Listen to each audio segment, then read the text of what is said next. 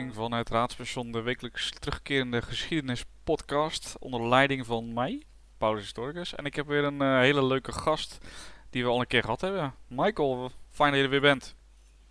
Dank voor de tweede uitnodiging. Ja, graag gedaan. Ik vond het leuk eh, de eerste keer en eh, ik hoop jij ook. Ik denk het wel, anders was je er niet misschien. Ja, anders, anders ga ik hier nou niet ja, weer ja op zeggen natuurlijk. Nee, dat is waar, dat is waar. Hey, ehm, wat, heb je nog leuke dingen meegemaakt? Geschiedenisdingen? Zeg Heb ik nog leuke geschiedenisdingen meegemaakt? Ja.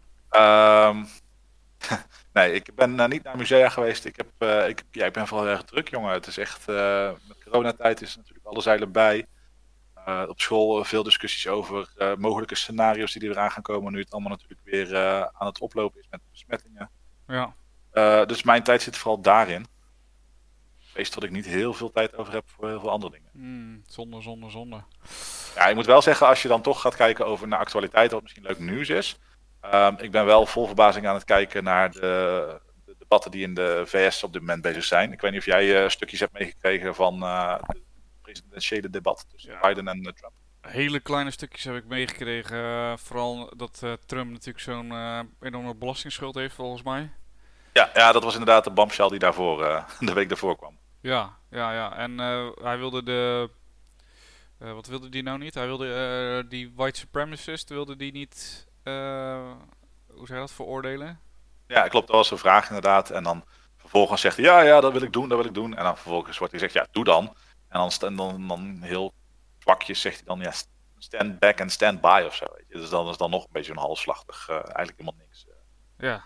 Maar ook vooral de manier van debatteren. Gewoon geen enkele zin laten afmaken, constant interrumperen. Het zou voor mij echt een voorbeeld zijn om voor mijn leerling om te zeggen: uh, jongens, dit is goed.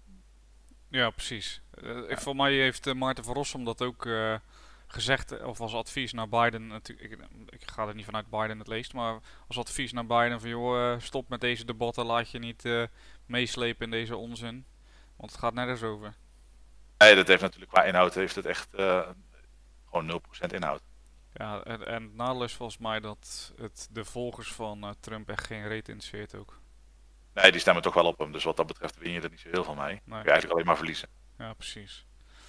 Ja, nee, ja, ik, ik, heb de debatten zelf niet gezien, maar ik heb wel een beetje meegekregen uh, van de zijlijn. Dus, uh, nee, ja, ik,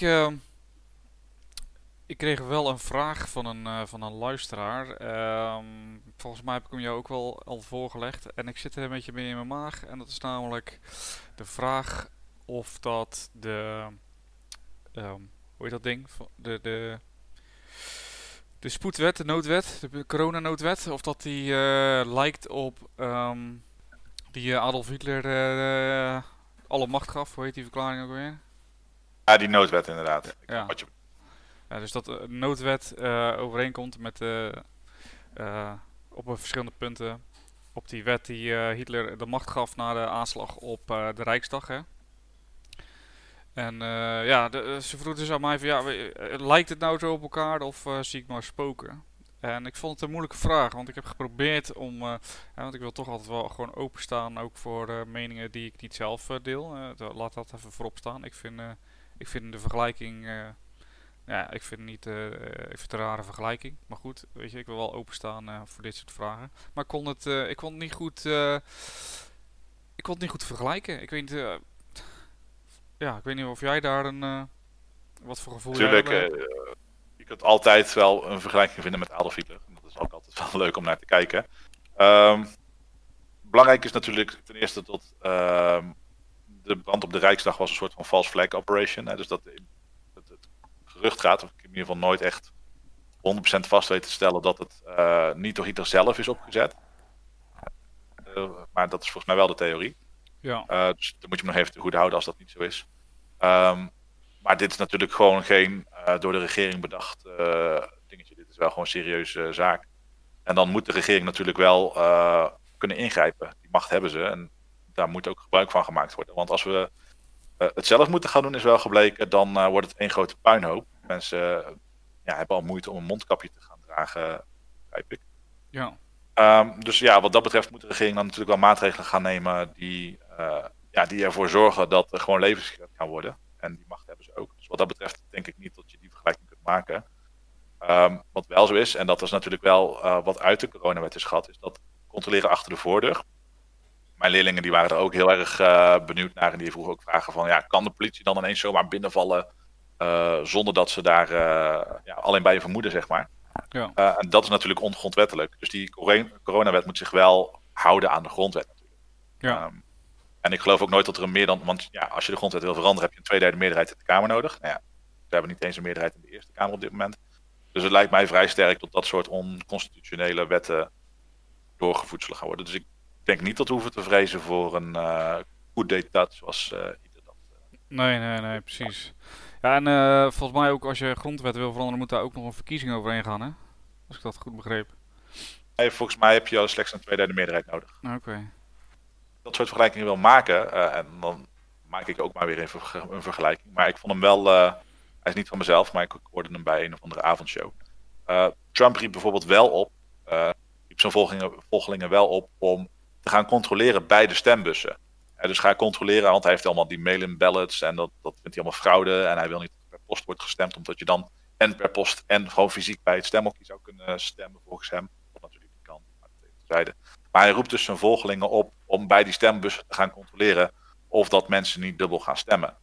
Um, en dat kan natuurlijk door stemmers als intimidatie uh, ervaren worden. En dan krijg je natuurlijk ook al uh, met die rechtsextremistische milities die die nou op standby zet in plaats van dat je ze terugroept. Um, dus dat geeft dan wel weer meer SS-tafereelachtige ja. denk ik dan. Een beetje ja. bruin hebben van Hitler. Um, dus ja, je kunt altijd wel ergens vergelijkingen vinden met Hitler en hoe het in Duitsland is gegaan. maar voorlopig heb ik nog wel vertrouwen in, in de democratie en de grondwet en tot het allemaal ja, je zou natuurlijk denken, hè, Amerika ligt ver weg, hebben, uh, heeft geen invloed op ons. Maar dat is natuurlijk niet helemaal waar. Uh, we zitten toch steeds meer, uh, zeker met internet en social media, globalisering is natuurlijk echt een... Het, is, het, is, niet meer weg te denken eigenlijk in, in onze huidige tijd. alles zit met elkaar verbonden. En jij had daar een interessante vraag bij gesteld bij de, bij de Romeinen, Michael. Ik weet niet of je die vraag kan herhalen. Ja, ja, we zijn op dit moment bezig in het tijdvak met de oudheid en de Romeinen natuurlijk. Um, en nou ja, soms vind ik het wel, ja, probeer ik gewoon even een soort van interessante vraag aan het begin van de les te stellen, waar de leerlingen dan mee aan de slag moeten gaan. En in dit geval was dat dan, kun je de romanisering vergelijken met de huidige globalisering? Ja. Heb, hebben leerlingen daar al over nagedacht? Of is dit een vraag voor de volgende keer? Ja, het was, het was een zeg maar, ja, er zijn er een aantal die ermee aan de slag zijn gegaan. En daar kwamen op zich wel interessante dingen uit. Uh, sommige mensen die inderdaad mee eens waren, omdat je toch heel veel kenmerken terugziet. Um, zoals verspreiding van de, van de cultuur, in dit geval westerse cultuur, bij globalisering en Romeinse cultuur bij romanisering. Uh, economische afhankelijkheid, uh, dat bijvoorbeeld het graan moest uit Egypte komen, om, anders ja, kon Rome niet groeien en meer inwoners krijgen. Um, en als dat zou wegvallen, dan zouden dat in andere delen van het Rijk zouden ze dat ook voelen. Um, dus dat waren allemaal antwoorden die daarbij uh, bij hoorden. Anderzijds kun je natuurlijk ook zeggen, globalisering is wereldwijd. Uh, terwijl het Romeinse Rijk natuurlijk vooral rondom de zee was, dus niet wereldwijd. Ja. Zou je ondervangen met, voor zover de wereld bekend was op dat moment. Ja. Um, uh, verder zou je ook kunnen zeggen dat niet alle rijken met elkaar verbonden waren. Je had bijvoorbeeld China, je had de Parten, je had het Romeinse Rijk. Um, en bijvoorbeeld de Romeinen en China, eh, en China, hebben nooit echt contact met elkaar gehad. Er waren geen diplomaten uitgewisseld. Um, dus als er iets in het Romeinse Rijk gebeurde, dan had dat niet per se gevolgen voor uh, China. Terwijl dat nu natuurlijk wel uh, door de globalisering wel overal te voelen is. Hè. De, de handelsoorlogen tussen Amerika en China, die raken ons ook. Ja. Ja, ja, nu je het zo zit te vertellen, denken van, is het dan misschien te vergelijken ook met, uh, alleen na de, uh, na de Tweede Wereldoorlog, hè, dat je ziet dat het Westen natuurlijk heel erg ver-Amerikaniseert eigenlijk. En dat is natuurlijk ook met hoe de Romeinen, de romanisering, zeg maar, ja, eigenlijk is het, zit ook, klinkt ook bijna hetzelfde natuurlijk, Amerikanisering en romanisering. Ja, je zou inderdaad van een Amerikaans imperium kunnen spreken. Ja, dat... dan meer een soort van handelsimperium dan een, dan een daadwerkelijk. Ja, dat, dat was natuurlijk ook uh, het idee achter uh, zowel de Russen als de Amerikanen om een zo groot mogelijke invloedssfeer te hebben eigenlijk op de wereld. Ja. En dat was natuurlijk ook wel een beetje hoe de Romeinen dat aanpakten. Dat is wel een interessante vraag. Ik ben wel uh, benieuwd of er nog meer, of er nog hele intelligente dingen komen van jouw leerlingen. Ja, nou goed, de twee dingen die ik net heb, uh, heb gezegd, dat was wel een beetje ook de uitkomst. Hè. Dus de ene, het hangt vooral een beetje samen met de definitie. En ga je kijken naar echt de hele wereld of ga je kijken naar uh, alleen het Romeinse Rijk? Ga je alleen kijken naar culturele of economische verspreiding? Nou, dat soort. Ja, het hangt er vooral vanaf van welke definitie pak je en hoe kun je dat toepassen. Dus welke, sommige dingen zijn met elkaar te vergelijken, andere dingen uh, natuurlijk niet. Maar dat heeft dan natuurlijk ook te maken met technologische beperkingen van de Romeinen. Tegenover nou ja, internet tegenwoordig natuurlijk. Ja, precies. Ja, ja, ja. Dat is zeker waar. Um, ja, ik, wilde, ik dacht van, nou, misschien is het wel interessant om eens even een stukje te gaan hebben over um, hoe dat uh, Romeinse Rijk ontstaat. Dan eigenlijk vooral natuurlijk over de stichting van Rome. Um, er is natuurlijk een mythe over, hè, over de stichting van Rome. Die, uh, die wil ik eigenlijk aankomende woensdag behandelen in, uh, in aflevering 4 van Mythe, Zagen en Epos. Okay, ja, dat is zeker een goede. En, en dan wil ik me nu even focussen eigenlijk op de, wat, over de, op de werkelijkheid, zeg maar. Hoe het is gegaan. Um, okay.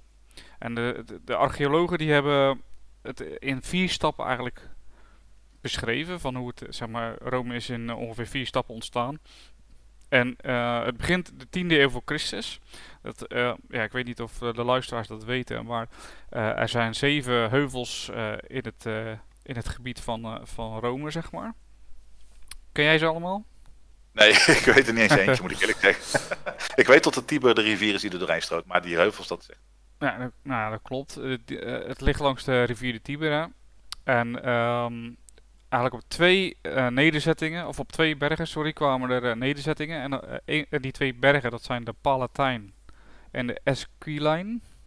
Ik, ben, ik hoop dat ik het goed uitspreek. De Palatijn, dat zegt me inderdaad wel iets, ja, maar ja. die andere Ja, goed. Daar, daar komen de eerste twee nederzettingen in de 10e eeuw voor Christus. Dat breidt zich op een gegeven moment de 8e eeuw voor Christus breidt dat uit naar de... Zo. is geen dingen hoor, geen corona denk ik. Maar goed, er zit toch een virusscanner tussen. Dus. Zeker. Ik voel me helemaal veilig nu. Gelukkig. Dankjewel, gelukkig. Nee, tussen de, um, zeg maar de 8e eeuw voor Christus kwamen er nieuwe nederzettingen bij op de Palatinus, de Esquilinus en de Caius. Ik weet niet, ik, ik hoop echt dat ik het goed uitspreek. Um, maar zij vormen ook een soort bondgenootschap en die noemen ze de Roma Quadrata. Nou, Quadrata staat natuurlijk voor vier, hè, dus het zijn ondertussen dus uh, uh, vier uh, nederzettingen geworden. En die nederzettingen die werden steeds sterker, ook op militair vlak. En er kwam ook een muur rondom de nederzetting op de Palatijn. De derde stap vindt eigenlijk plaats in de 6e eeuw voor Christus. En toen kwamen er uh, nog meer nederzettingen op, de, uh, op, drie andere op drie andere heuvels en de Etrusken vielen Rome binnen. Ik weet niet, weet jij iets over de Etrusken, Michael? In principe ook een Italiaanse stam die oh, ja, eigenlijk een soort van verbond van stadstaat was, of in ieder geval stammen. Um, en ja, dat waren eigenlijk in het begin de aardsvijanden van de Romeinen. Ja, ja, ja. dat klopt inderdaad. Het is, um, het is de eerste, eigenlijk de, eh, Etruskische cultuur is eigenlijk de eerste grote beschaving op het uh, Italische schiereiland. En um, ze vormden eigenlijk tussen de 6e en de 7e eeuw voor Christus de hoogst ontwikkelde volk, uh, het hoogst ontwikkelde volk in, uh, in de oudheid. Ja, ik kan me met herinneren dat volgens mij er zijn wel geschreven bronnen ontdekt, maar nog niet vertaald. Um, dat kan. Daar, daar, daar geloof ik gelijk grap even. In ieder geval, um, ja, zij vallen dus eigenlijk Rome binnen en zij veroveren ook die, die nederzettingen. En uh, eh, 150 jaar lang ongeveer hebben die Etrusken Rome geregeerd. En je ziet ook dat maar, in de latere, hè, je ziet wat de Romeinen eigenlijk doen in Europa. Dus dat ze de romanisering brengen en de cultuur brengen. En dat de ja, barbaren volken zeg maar, mixen met de Romeinen. Dat zie je dus eigenlijk ook gebeuren hier in het klein, in, in Rome. Dat de Etrusken zich mengen met die Romeinse cultuur. En de Romeinen hebben bijvoorbeeld ook een schrift hebben ze van, uh, van de Etrusken. En um, je ziet dat veel hooggeplaatste figuren, dat die ook komen uit de uh, Etruskische uh, volkeren.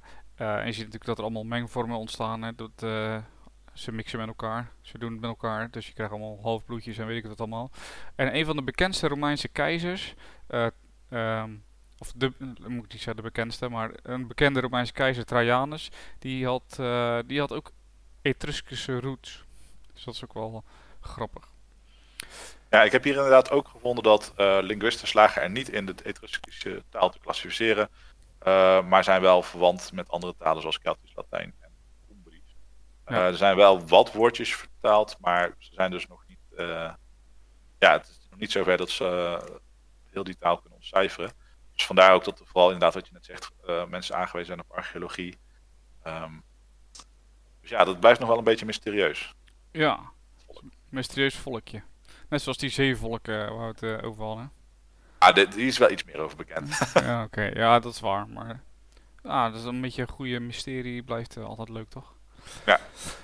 In ieder geval, die uh, Etrusken die worden uh, in 280 voor Christus worden ze verslagen door de, door de Romeinen. Maar die culturele invloed zeg maar, die blijft gewoon ja, door, bij de Romeinen door, doorwerken eigenlijk. Je ziet dat, door die, dat, dat, gewoon, dat het gewoon blijft. En veel belangrijke Romeinse geslachten waren ook van oorsprong waren ze Etruskisch. En vandaar ook die keizer Trajanus. En werd het dan ook een soort van statussymbool dat je weet? Of um, ja. een zuivere bloedlijn of iets, net zoals die Ariërs van Hitler? Ja, precies. Alles kan weer teruggevoerd worden op Hitler.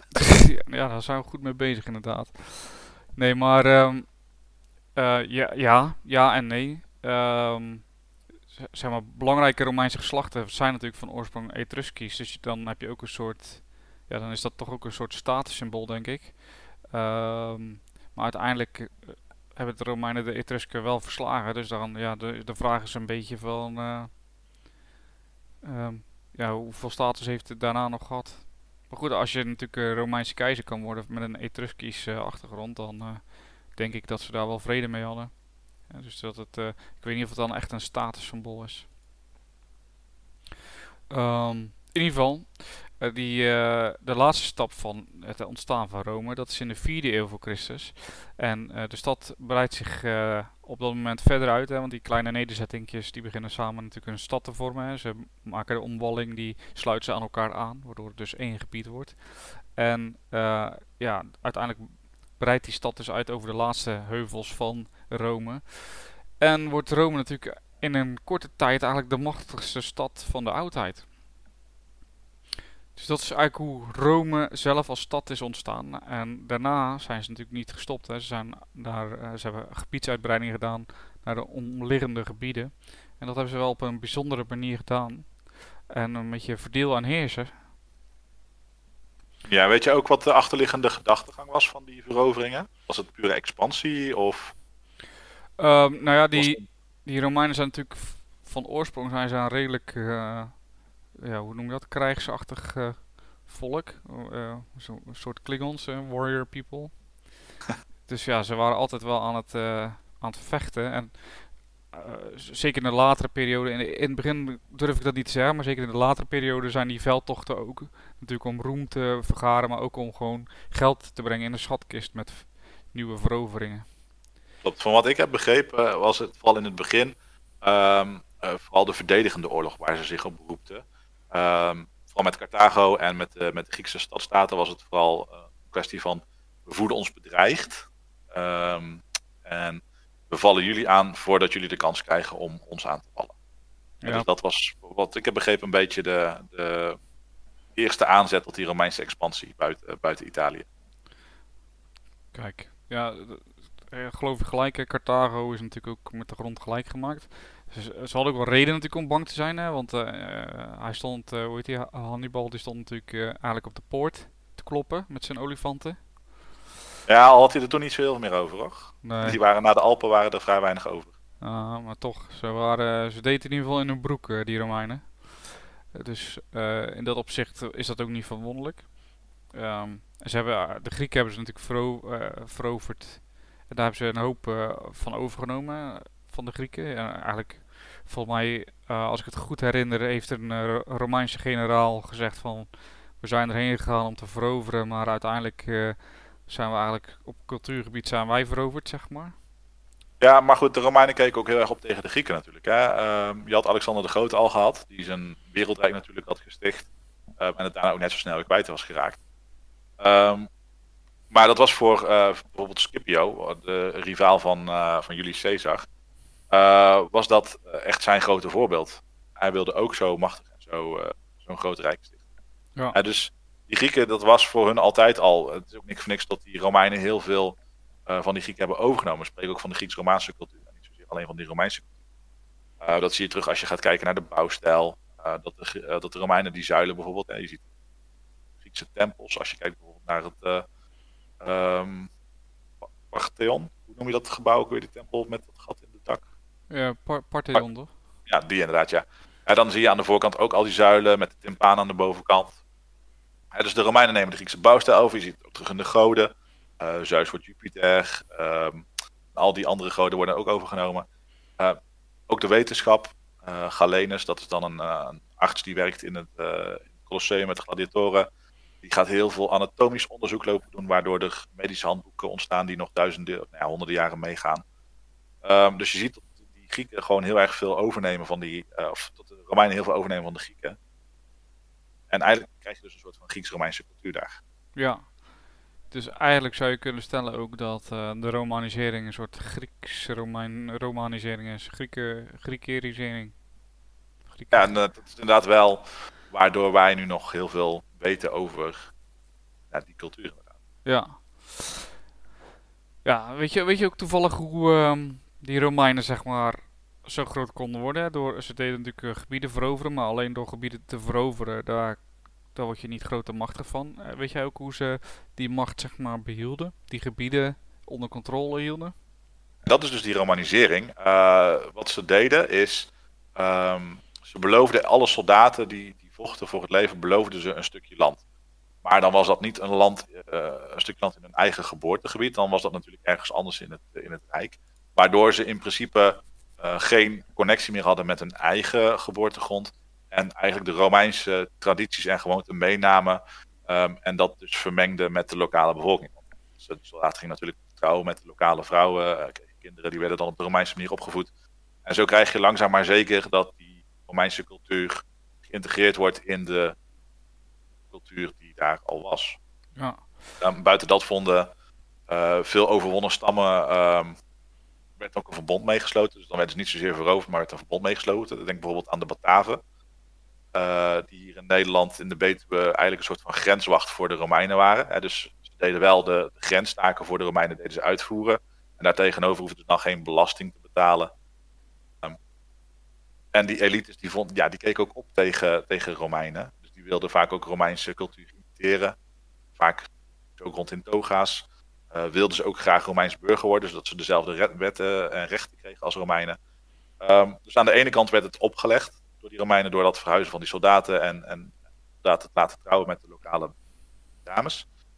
Um, aan de andere kant vonden, de, uh, vonden heel veel overwonnen volken het ook niet erg en wilden ze juist graag bij het Romeinse Rijk horen. Heel veel Germaanse stammen die aan het eind van de Romeinse, het Romeinse Rijk ehm, binnenvielen, die wilden juist graag toegelaten worden tot het Romeinse Rijk om deel uit te maken van het Romeinse Rijk.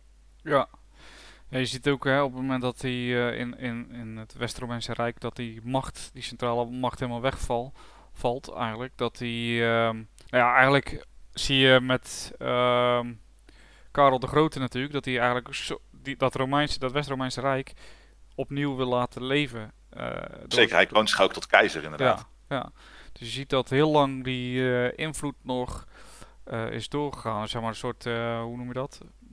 dat ze onder de indruk waren van, van de Romeinen. Dus Precies, het, het, was een soort van legitimatie. Wij zijn de erfgenaam van de Romeinen. En dat zie je echt ook, dat niet alleen Karel de Grote. Um, je hebt het later natuurlijk ook met het Heilige Roomse Rijk. Ja. Waar, waarbij Rooms dus verwijzing is naar de Romeinen. En zelfs de tsaren van Rusland, die zien zichzelf als de erfgenamen van Rome. Die, uh, die is even nieuw voor mij. Hoe doen ze dat? Ja, die wist je niet, hè? Nee, nee, nee. nee, Uh, tsaar is dus het verbasterde woord voor keizer. Um, en uiteindelijk heb je natuurlijk ook de um, tweedeling van de kerk. Hè? Dus je hebt de, de Rooms-Katholieke kerk en de, de Orthodoxe kerk in Griekenland. Mm -hmm. en als uiteindelijk Byzantium ook valt, dan um, zien we dat het Byzantijnse, of het Orthodox-Griekse geloof naar Rusland verhuist. Ja. En via die weg wordt er dus gezegd tot uh, ze eigenlijk de, de voortzetting zijn van de Romeinse traditie. Ah, En ook qua eh, stamboom, en die weet ik dan niet helemaal, dan moet je, moet je maar eens even nazoeken. Dat heb ik wel eens gelezen, maar ik kan dat nu niet helemaal reproduceren. Maar er schijnen ook bloedlijnen nog te lopen vanuit de oude Byzantijnse familie naar eh, de Tsarenfamilie. oké.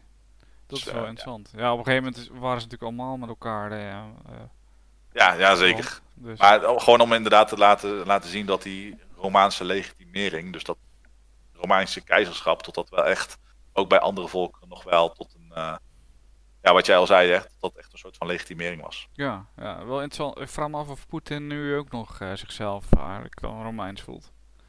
En hij gedraagt zich in ieder geval zeker zo. Ja, ja, dat is zeker waar, ja. Misschien moeten we hem eens een keer interviewen, kijken of hij, wat hij daarop te zeggen heeft. Ja. Ja, ik denk dat hij niet beschikbaar is voor commentaar, maar goed.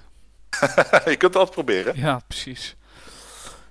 Ja, en die, ehm, ja, dat, dat, dat is natuurlijk, ze stichten uiteindelijk ook een enorme rijk natuurlijk, die Romeinen. Helemaal tot eh, de helft van Groot-Brittannië, volgens mij eh, de muur van Hadrianus.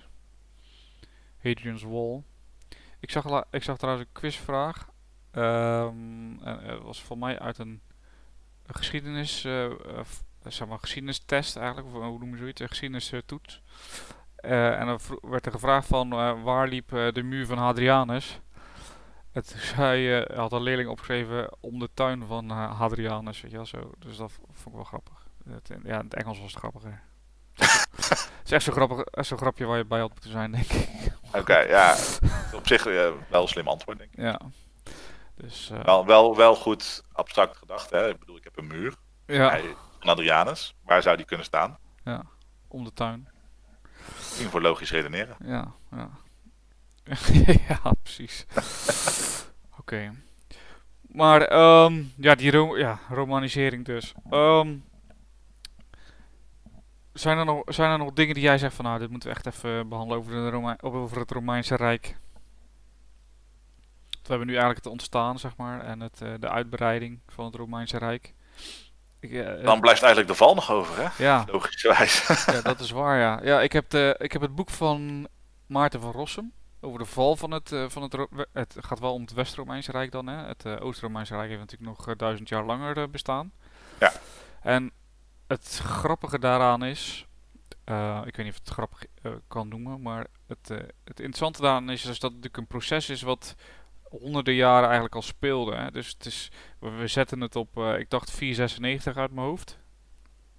Met de, met de, Oude, oude waker in de Ja. die Rome veroverd. ja, precies. Maar eigenlijk is daar, zeg maar, de, echte macht van Rome, die is al jaren zoek eh, in, in dat West-Romeinse Rijk. Ehm, en alle, eh, eh, alle gebieden, zeg maar, alle stammen die hier wonen, hè, die eerst eh, dat, eh, dat contract met die, wat jij net vertelde, met de Romeinen hebben afgesloten, die, eh, die bondgenootschappen, van nou, wij verdedigen dit stuk en dit stuk, die, die beginnen steeds meer hun eigen ding te doen. En eigenlijk kan het Romeinse het West-Romeinse Rijk kan er niks tegenover stellen om dat ja, weer integraal te krijgen. En dat zie je natuurlijk later ook terugkomen met bijvoorbeeld het feudalisme. op een gegeven moment erven de kinderen van de leenheren, eh, die erven dan het stuk land in plaats van dat ze het weer terug moeten geven aan de keizer. En dan, dat is eigenlijk ook een beetje het geval met het West-Romeinse Rijk. Eh, het, is, het, was al gedoemd om te mislukken op het moment dat het natuurlijk opgedeeld werd in, dat, in, in die twee delen. Het Oost-Romeinse Rijk was eh, heel erg rijk en het West-Romeinse Rijk eigenlijk niet. En je ziet dus dat een gegeven moment op een ik, ik- denk rond de 200 na Christus, dat daar die eh, stammen al een beetje hun eigen dingen beginnen te doen. En dat het eh, West-Romeinse Rijk geen leger kan, eh, op de been kan brengen om, om hun weer in het gareel te krijgen. Dat dat gewoon te duur is ook en het geld er niet is. En wat natuurlijk ook heel erg meespeelt, is dat al die gouverneurs en generaals natuurlijk hun eigen soort van privélegertje krijgen. Ja.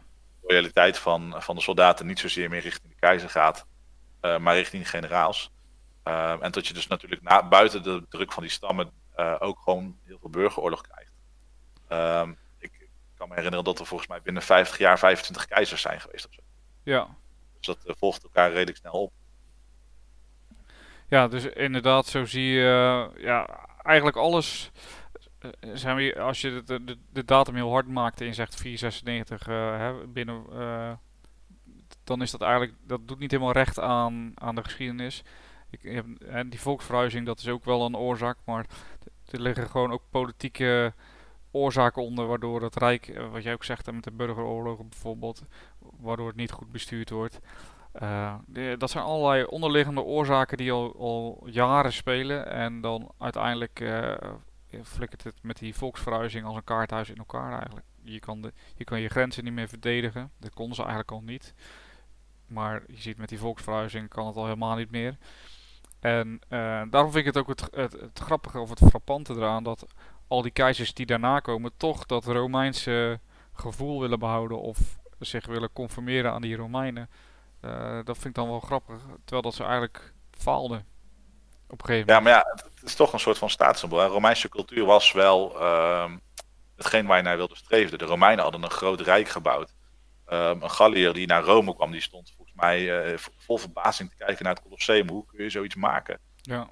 Um, dus het, het, was ook echt wel het hoogtepunt van de cultuur. Dus het was ook wel iets om, om na te streven. Um, buiten dat ook het Romeinse recht. Volgens mij hebben we tegenwoordig zelfs nog steeds wetten die uh, terug te voeren zijn op het Romeinse recht. Um, dus ja, ze hadden het ook wel redelijk goed voor elkaar. Anders ja. hou je niet zo'n wereldrijk zo lang in stand. Zeker waar, zeker waar. Eh, dat boek is trouwens echt wel interessant uh, van Maarten van Rossum. Het is uh, echt, het is, ook als je niet van lezen houdt, of weinig tijd hebt, zeg maar. Het is maar een dun boekje, een dun klein boekje is het eigenlijk. En je leest er zo doorheen. Nou, hij omschrijft het vrij eenvoudig. Dus geen moeilijke politieke structuur of weet ik wat. Vrij eenvoudig.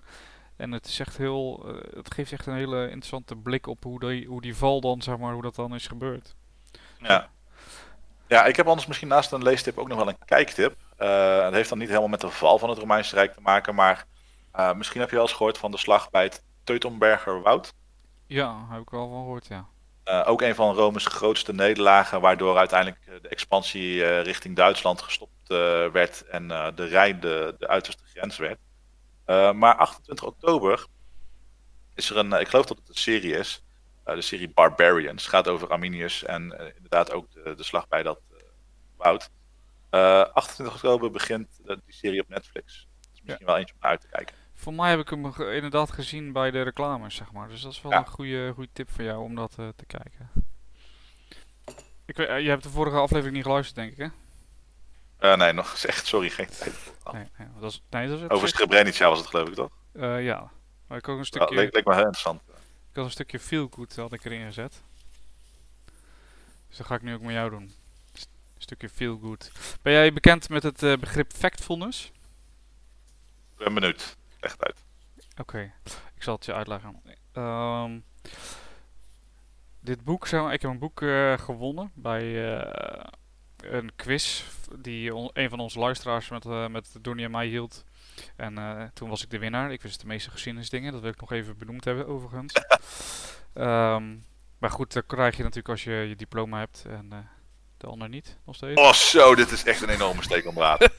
Paul deed het door Donnie, niet ik. dus dat. Um, en um, dat boek, dat is echt heel interessant, want het gaat over feitjes, zeg maar. Um, ja, feitjes is niet helemaal het goede woord. Het gaat om, het gaat om feiten, het gaat om data. Vorige week, volgens mij, heb ik met, met mijn gast uh, Pascal heb ik ook al een aantal vragen behandeld. Van, uh, echt van typische vragen die je, die, die je over het algemeen heel negatief inschat. Uh, maar die eigenlijk beter, wat het eigenlijk dus beter gaat met de wereld als dat je zou denken. Dat is op zich ook wel grappig, want het mij dan denken aan, uh, ik krijg ook wel eens vragen van mijn leerlingen. Meneer, welke tijd zou u nou het liefste willen leven? En dan denk ik altijd bij mezelf, uh, geen. Ik ben blij met de tijd waarin ik nu leef. Dus dan zeg ik ook gewoon van, ja, nou, ik, ik had eigenlijk nergens anders willen leven dan in deze tijd. En dan kijken ze me vol verbazing aan. Maar waarom dan? U bent toch geschiedenisleraar? Waarom zou u niet in zo'n oudere tijd en dan zeg ik altijd als antwoord, nou ja, ik vind het heel fijn om gewoon in alle rust te kunnen poepen en te douchen.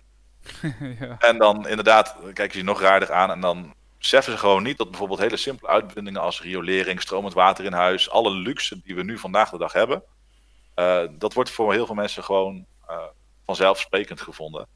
Uh, terwijl als je echt een goede historicus bent en dus een beetje verstand hebt van geschiedenis, dan weet je dat we op dit moment eigenlijk wel gewoon in de beste tijd ever leven. Ja.